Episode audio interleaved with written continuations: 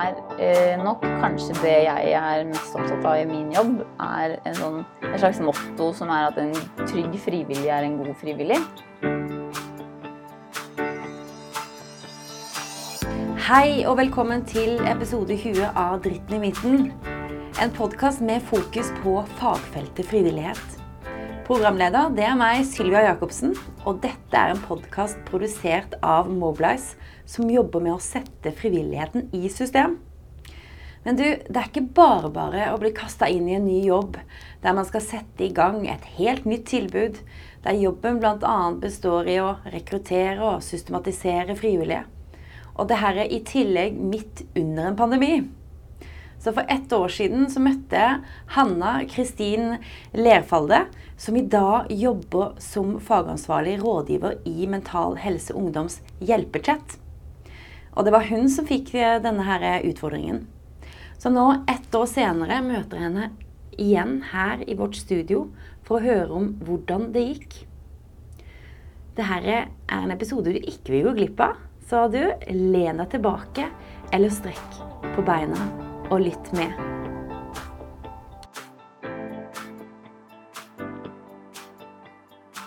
Velkommen til eh, ukens podkast, Hanna. Tusen hjertelig takk. Det er veldig, veldig hyggelig at eh, du har lyst til å, å være her i dag. Jeg er veldig veldig glad for å ha blitt spurt. Ja, selvfølgelig, Hanna. Mm. Altså, du er jo en utrolig spennende person eh, og har en utrolig spennende bakgrunn knytta opp mot det, og selvfølgelig tilrettelegge og administrere for frivillig innsats, bl.a. Og jeg tenker jo, Hanna, at eh, det er jo veldig spennende knytta opp mot temaet vårt. Det er jo selvfølgelig eh, frivillig arbeid og det å være ny. Mm. For du har jo nå eh, jobba i litt over ett år, kan ikke det stemme, i, i eh, Mental Helse Ungdom? Ja, det stemmer. Mm. Og jeg er litt interessert, interessert av å høre eh, på en måte, Hva har du gjort tidligere? Altså, Fortell om din reise inn mot den eh, stillingen, da. Mm. Ja. Eh, jeg var eh, Jeg har vært eh, student oppe i Trondheim, som jeg tenker jo er en veldig sentral del av hva som har på en måte brakt meg hit. Eh, jeg har vært frivillig gjennom studiene hele veien. Eh, og før det for så vidt også, så var jeg veldig lett enkel å få med på ting. Så jeg var revysjef da vi var russ, og liksom har alltid vært engasjert i frivillige verv. Eh, og da jeg var i Trondheim, så var jeg linjeforeningsleder og var frivillig i studentmediene. Skrev artikler om studenthverdagen. Eh, og så var jeg til slutt festivalsjef for Trondheim Pride i to år mens jeg skrev master. Eh, så det er bare noen av de tingene jeg liksom har gjort som har vært viktig for meg da, de siste årene. Det, Mm. det hørtes jo veldig hektisk ut å være festivalsjef for Pride. Det er vel over 10 000 deltakere Ja. og skrive master. Mm. Hvordan gikk det?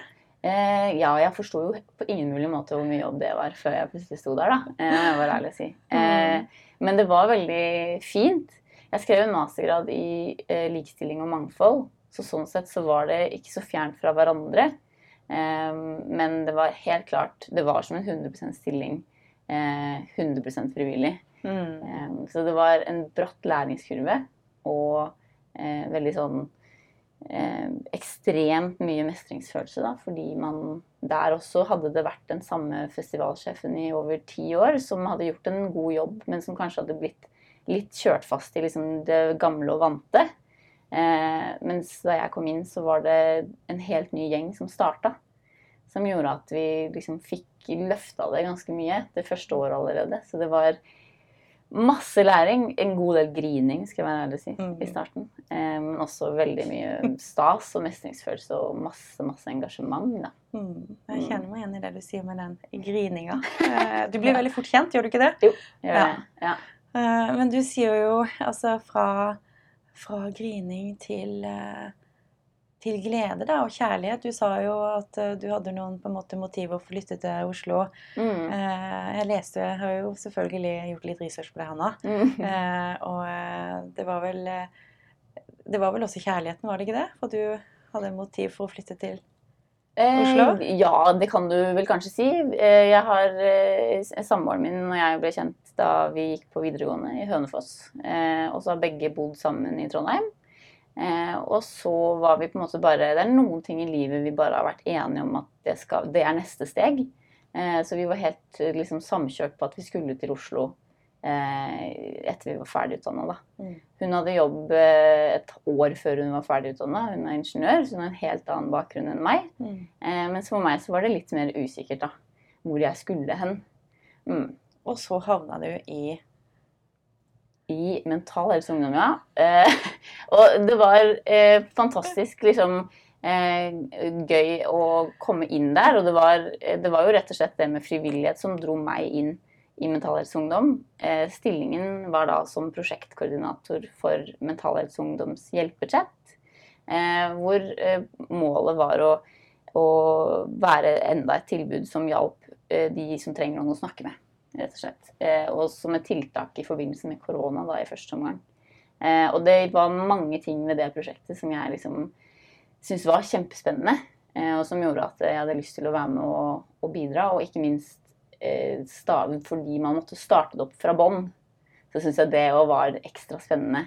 Eh, for da kunne jeg på en måte samle sammen det jeg hadde av erfaring fra før med frivillig arbeid, eh, til å lage liksom et helt nytt system i en helt ny organisasjon som jeg på en måte egentlig ikke hadde så god kjennskap til. Da. Mm. Men som har blitt en veldig viktig del av eh, livet mitt. Mm. Mm. Og du ble vel kanskje hevet litt inn i den stillingen. Ja. Det er kanskje ikke alle som hadde takla det like godt, men når vi hører på en måte, når jeg hører på den bakgrunnen du har hatt, Mm. så er du jo da en som er veldig tilpasningsdyktig, og som hiver deg uti ting, og som på en måte takler de tingene. Og spesielt fra festival- og arrangementsbransjen så må man jo bare det. Mm. Eh, hvordan gikk det? Eh, Det gikk jo faktisk bra, da. Eh, Sånn i ettertid så kan jeg si at det gikk kjempebra. Eh, Men det var travelt, da. Jeg starta jo i den stillingen som en 50% stilling. Eh, Det har den aldri vært. Eh, Så jeg har jo alltid jobbet i hvert fall 100 eh, med chatten. Og i starten så var det om å gjøre å få på beina et system som fungerte, og bli kjent med sånne helt rent tekniske ting, som chattefunksjonen og de tingene der. Men også lage et godt system for um, å få oversikt over hva er det de trenger å vite, f.eks. Hva er det de trenger av kompetanse for å sitte på chatten? Um, og hvem er det man trenger? Så jeg starta jo med å, å kontakte andre aktører som er veteraner i bransjen, hvis man kan si det sånn. Kirkens SOS bl.a. hadde jeg en samtale med barn av rusmisbrukere, altså Barsnakk. Den chatten der Mhm. hjalp meg ganske mye i starten. Hvor jeg rett og slett bare stilte alle spørsmålene jeg kunne komme på. Mm. For å suge til meg det jeg hadde mulighet for da, av kunnskap. Eh, og så var vi på beina med åtte frivillige akkurat en måned etter jeg starta. Da var chatten åpen. Så det gikk veldig fort, eh, og det var ganske slitsomt. Men eh, det gikk jammen bra, da. Mm. Fantastisk. Ja, det hører vi jo. Eh, og dere har jo på en måte økt også. Eh, Mm. det skulle jo være et prosjekt, men nå har dere jo funnet ut at det skal bli en, eh, en fast ting som, eh, Mm. som dere skal holde på med. Det er jo helt fantastisk å høre. Mm. Og hvordan, hvorfor endra det seg? Det endra seg vel bl.a. fordi at eh, vi som organisasjon får henvendelser i eh, alle mulige kanaler sånn jevnt over, eh, også utenom pandemi. Det er eh, fint å ha et sted å samle, altså, så folk vet hvor de skal ta kontakt, rett og slett. Eh, men også fordi at vi ser at det trengs. Det er stadig større pågang på chatten, selv om kanskje mange kan tenke at nå roer ting seg eh, så er jo vi bekymra for den bølgen som kommer etter pandemien, og de etterfølgende det får. Som gjør at vi er, har kommet for å bli, da. Så fremt vi har midler, selvfølgelig, til å drive videre. Mm. Så, så det skjedde ganske kjapt at vi ser hvor mye det gir de frivillige som er med. Vi ser hvor mange frivillige vi kan faktisk være, og liksom engasjere i dette prosjektet her. Eh, og så ser vi at det er stadig flere som får muligheten til å eh, lette liksom, hjertet, da. Og si Mm. hva de har på ja, hva de går rundt og tenker på som de ikke tør å si til noen andre, f.eks. Mm. Mm. Og, og det er jo uh, utrolig viktig at dere fortsetter det arbeidet. Det mener jeg personlig. Og det har jo vært en utfordring i pandemien, og man hører jo i media og hører fra folk som virkelig sliter. Mm. Og utrolig bra at dere og andre har disse chattetjenestene. Eh, Det tror jeg er utrolig viktig for ungdommen. Mm. Um, Men du sa jo noe med at eh, Eller vi snakka om det at du ble kasta inn i stillingen. Ja. Og det du gjorde der, tror jeg jo selvfølgelig var veldig, veldig lurt. Det at du på en måte bare var veldig åpen til å på en måte bare sluke til deg all kunnskap du kan uh, få fra veteranene. Altså de som på en måte er, var, var flinkere enn deg. Mm. Uh, og det tror jeg òg er uh, kjempeviktig for å, for å lykkes i arbeidet. Men var det andre ting du tenker at Sint at det høres ut som at dere på en måte har gjort det veldig bra, men hva andre ting tror du at du tok med deg fra tidligere arbeid for at det gikk så bra, eller det har gått så bra som det har gått, da? Mm. Jeg tror kanskje noe av det viktigste jeg har erfart i tidligere frivillig arbeid, er viktigheten av å um, å vise tydelig at de tingene man gjør, er ingenting uten de frivillige. At eh, på en måte å aldri slutte å takke, og aldri slutte å, um, liksom heve Altså de frivillige er det viktigste. Det er det aller viktigste vi har når vi jobber med sånne typer prosjekter. Og at man eh, Det viktigste jeg kan gjøre da, er å jobbe for at de føler seg sett. Og at de har den kunnskapen de trenger, at de har informasjonen. Skjønner du? At liksom, Mm. Det er noe av det jeg lærte kanskje mest i forkant gjennom Trondheim Pride f.eks. Eh, både på godt og vondt. eh, at eh, de som var med lengst, og som ga av seg selv i størst grad, eh, var folk som visste hva kriteriene var. Som følte at de fikk takk, rett og slett. At de ble sett, og den jobben de gjorde, ble anerkjent. Mm. Um, så det er kanskje noe av det viktigste jeg tar med meg. At engasjementet, det er kjernen. på en måte. Det skal aldri dø ut. da. Mm, Em, Men hvordan gjør dere det? Altså, hvordan gjør du det? Uh, hvordan anerkjenner du det? Eh, Ja, det er et godt spørsmål. Eh, Jeg eh, For det første så vi, har vi veldig kultur hos oss hvor vi etter hver vakt så skrives det opp på en måte Den som er ansvarlig for vakta, det er en egen frivillig rolle hos oss, da. Skriver opp hva som har vært innom vakta. Altså sånn selvfølgelig helt anonymisert og sånn, men overordna temaer som har kommet inn. Som gjør at de frivillige hele tiden er med og skaper en kultur hvor man, man er et stort lag som bidrar. Selv om man ikke har vært, på vakt selv, f.eks., så ser man hva det er som rører seg i chatten. Eh, og man vet hva som kanskje kan komme tilbake igjen Mm. senere dager. Eh, og det går kanskje ikke direkte på det å anerkjenne de frivillige, men mer at em, å legge ansvar også på de frivillige når det kommer til det å skape kulturen. At jeg alene kan ikke skape kulturen. Eh, så veldig sånn Og mye heiing. Mye Mm. liksom skryt av hvordan de gjør ting. Vi leser ofte gjennom samtaler etter folk har hatt vakter, for å se hvordan klarer vi oss i chatten. Gjør, møter vi de som tar kontakt på en god måte? Og da å være flink til å Det er på en måte lite nyttig at jeg går inn og leser uten å si noe til den det gjelder. Mm. Hvis du skjønner? Så da prøver jeg å være flink på å på måte si at eh, har jeg lest gjennom samtale, en av samtalene dine i går, og her syns jeg du gjorde sånn og sånn veldig bra. Eller ehm, Ja. Og så er det også, tenker jeg, en, en form for anerkjennelse er også de som nå har fått rollen som det vi kaller vakthavende, som er ansvarlig for det som skjer på vakt. De har jo blitt valgt ut og håndplukka av oss fordi de har vist seg å gjøre en god jobb i samtale med folk. De er med å skape god kultur på vakt. Eh, og de har veldig gode holdninger til hva, eh, hva det vil si å være en chatvert, da, rett og Mm. slett. Og de er jo da kjempeviktige i å videreskape liksom, en god kultur. Mm. Eh, og da er det på en måte rett og slett sånn Vi har sett hvor flink du er, Mm. og vi vil veldig gjerne ha deg med på laget til å liksom drive dette enda mer Mm. framover. Så, så det er de vi inviterer til å være vakthavende, f.eks. Mm. Mm.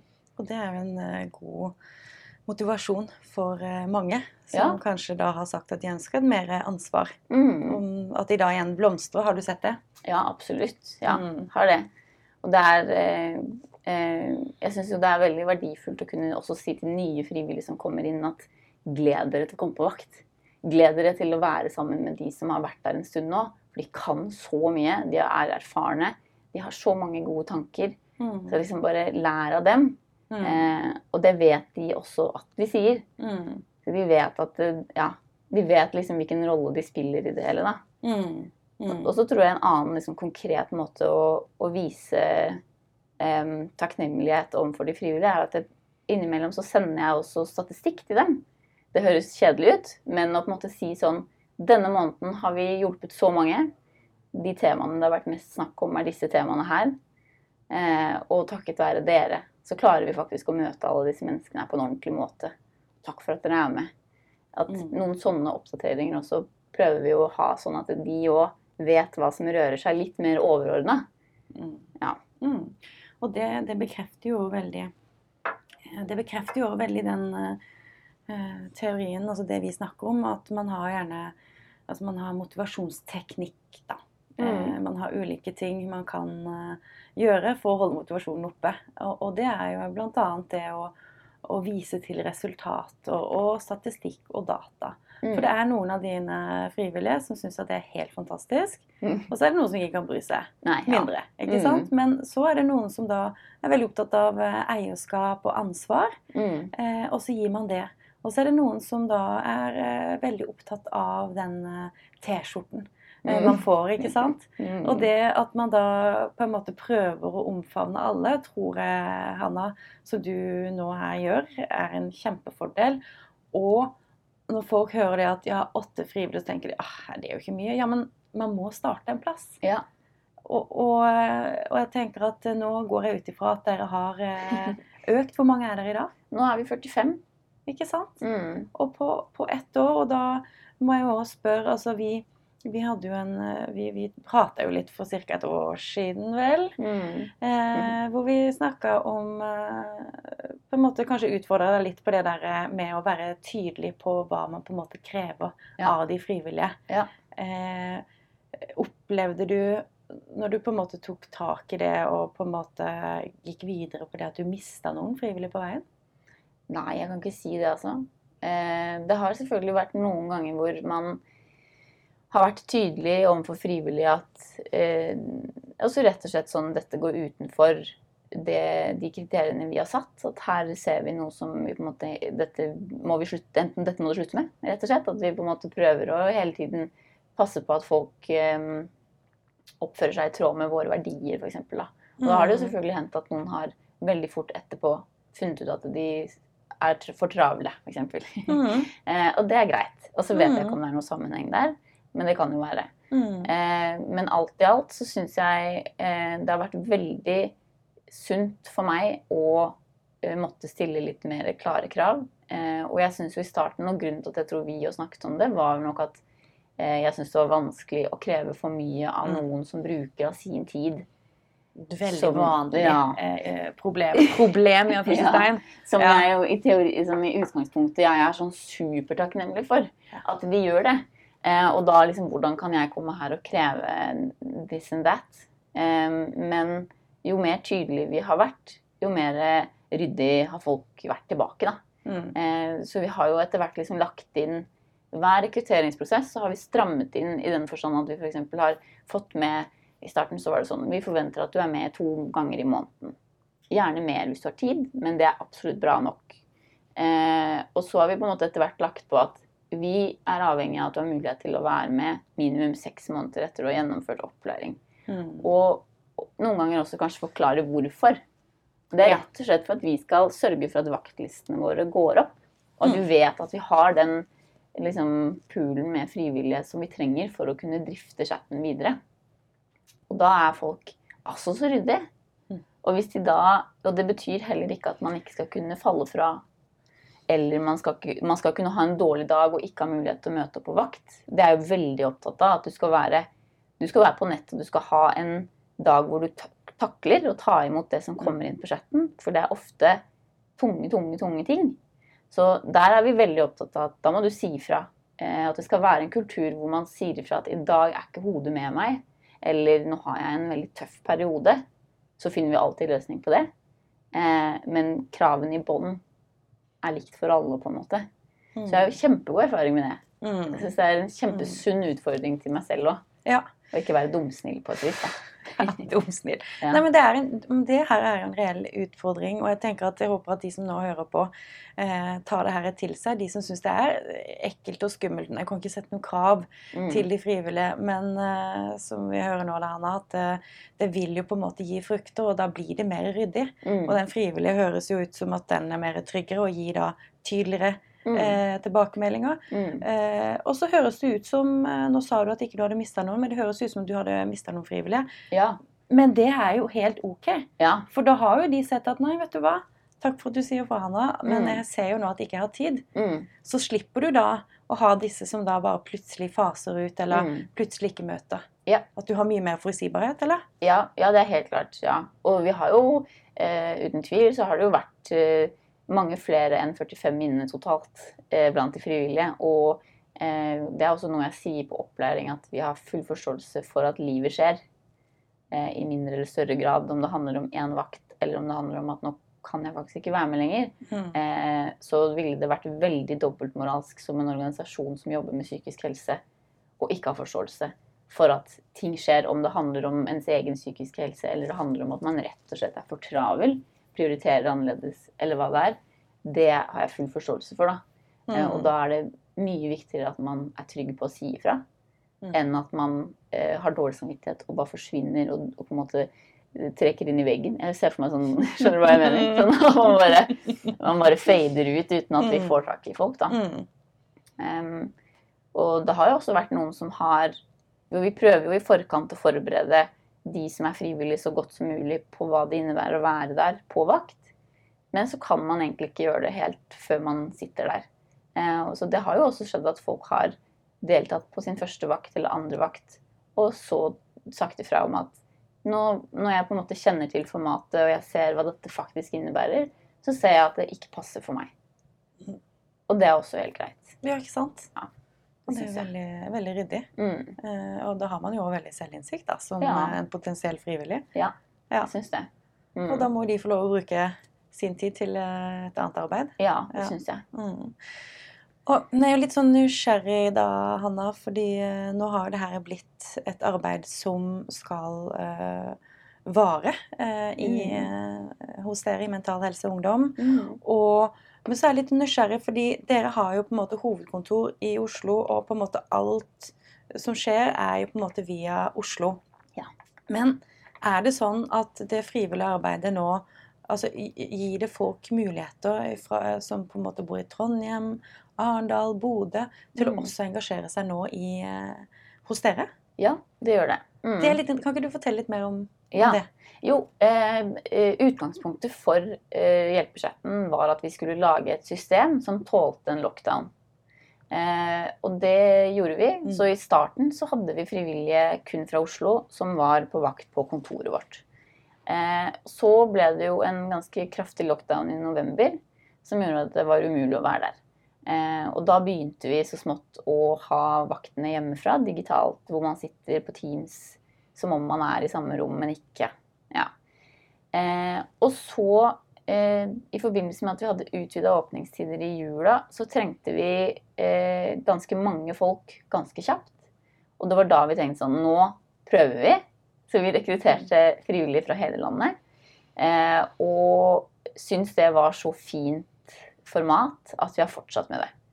Så det betyr at nå i dag så er det da ja, ca. 45 frivillige som er fordelt over hele landet, som sitter på vakt sammen. Men hvor mange er det som på en måte sitter i Oslo kontra resten? Er det sånn Jeg tror det er ca. 50-50, eller? Ja, typ. Det Mm. tror jeg. Mm. Ca. 50-50. Hvis Mm. ikke det er kanskje flere fra utenom. Mm. Mm. Og da er jo jeg nysgjerrig på altså, øh, hvordan øh, på en måte utskiftningen har vært Jeg må jo spørre, ikke sant? Har Mm. man hovedkontoret her, og her har man på en måte lett tilgjengelig og kan komme og prate med folk hvis det er noe, Mm. eh, som frivillig. Her er det da ca. 50% av de 48 Mm. personene. Mm. Og så er det rundt omkring i Norges land. Um, ser du noen forskjell? Har det uh, Altså, er det mer utskiftninger uh, rundt om i Norge kontra i Oslo, eller hvordan er det egentlig? Um, ja, det er et godt spørsmål. Jeg tror nok det er noen av de Det er jo noen av de som ble rekruttert fra Oslo helt fra starten, både i juni og august og september i fjor. Da hadde vi mange rekrutteringsrunder på rad, for vi trengte veldig fort flere. Eh, det er flere av de som fortsatt er med. Eh, og så Men jeg vil egentlig si at det er ganske likt.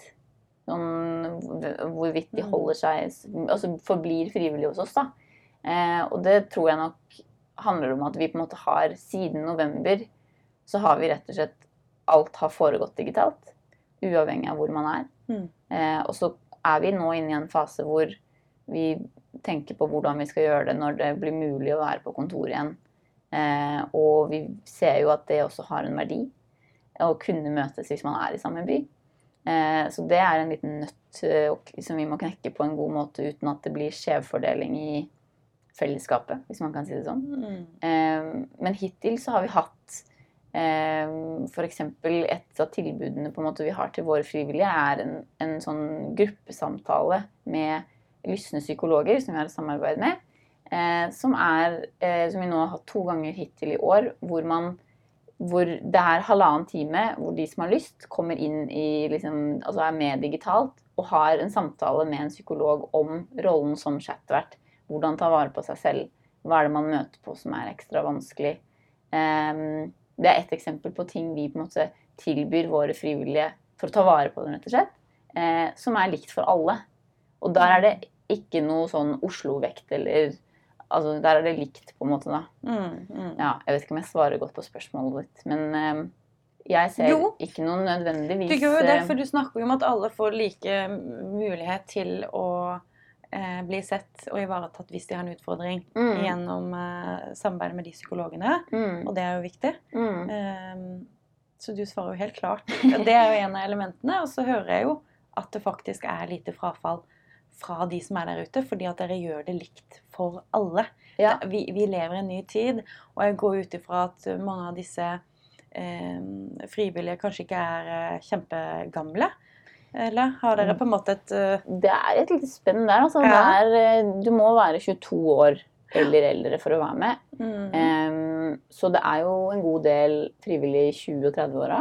mm, Men jeg tror vi er helt oppe i 60-åra, noen av de, da. Um, men sånn 20-30-40 er vel hovedvekta. Mm. Mm.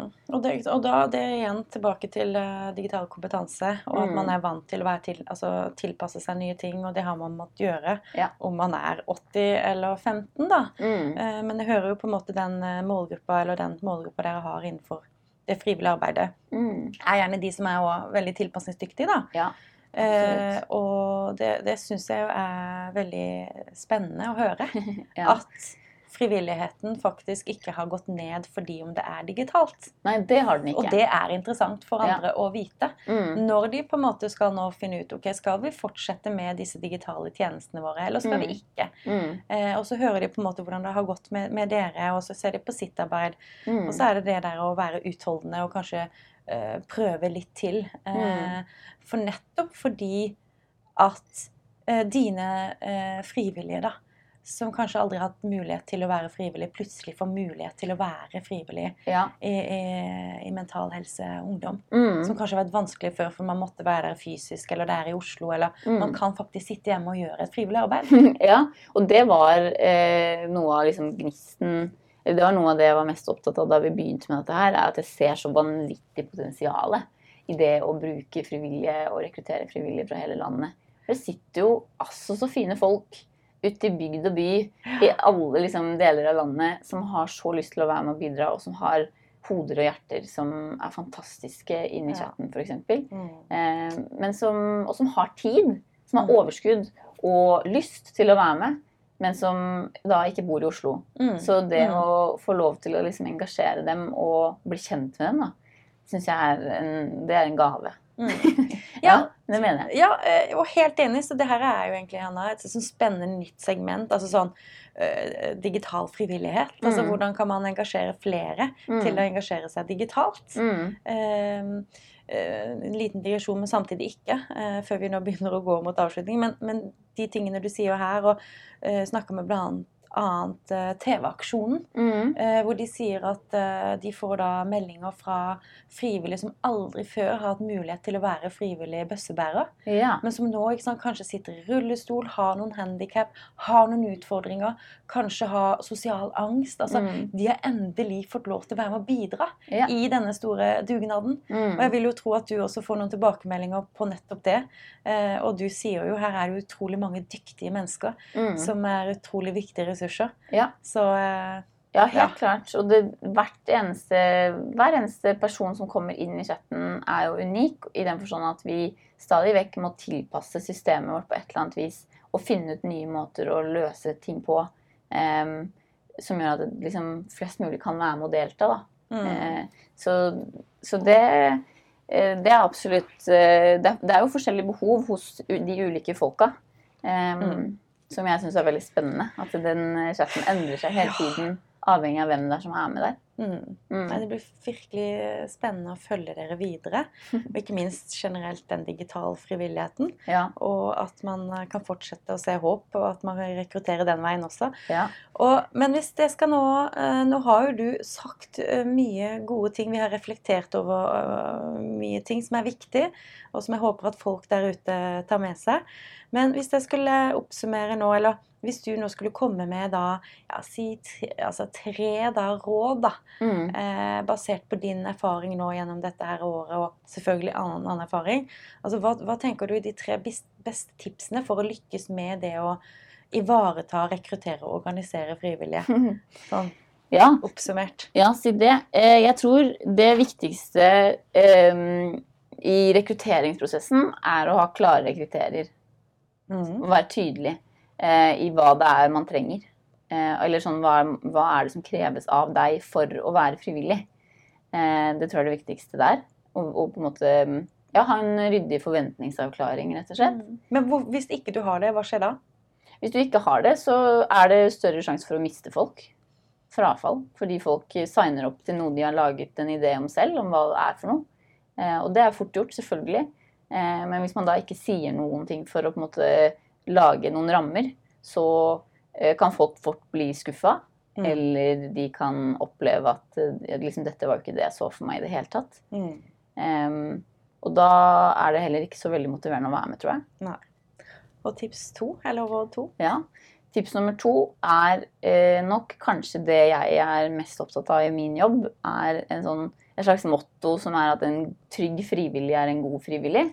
Eh, og det innebærer alt som har med de frivilliges psykiske helse å gjøre. F.eks. at de også har kompetansen de trenger for å være frivillig i den rollen de har. Eh, og at de, at de rett og slett har de verktøyene de trenger for å være rolige, imøtekommende, stødige eh, i sin rolle. Det føles best for en selv som frivillig, og det er også eh, de fineste folka å møte på, da. Hvis man skal si det sånn. At Mm. eh, jeg tror det arbeidet som ligger bak å skape trygge frivillige, Mhm. er så verdt det. Mhm. Eh, og det tredje tipset mitt er vel kanskje å eh, bruke mye tid på å bygge en god kultur. Ja. For det gjør også at folk har lyst til å være der. Mm. Fantastisk, Hanna. Det var utrolig gode tre gode tips. Eh, som i hvert fall er å ta med meg videre og få bekrefta viktigheten av det når jeg jobber med mine frivillige, og for meg selv når jeg er frivillig, og ikke minst håper de der ute eh, blir litt inspirert og får en bekreftelse at de har gjort noe riktig, eller at de Mm. kanskje har fått noen ideer gjennom det du har sagt her nå, Anna. Ja. Så eh, takk for din tid, og lykke til videre i det viktige arbeidet deres. Tusen, tusen hjertelig takk, og takk for praten. Tusen takk for at du lytter på podkasten vår Dritten i midten. Har du innspill eller kommentarer, er du hjertelig velkommen til å sende oss en mail. Dritten i midten er en podkast fra Mobilize, som sammen med sine kunder jobber for å lage den gode frivillighetsreisen, både gjennom kompetanse og system. Vil du komme i kontakt med oss, send en mail på hei at mobilize.no.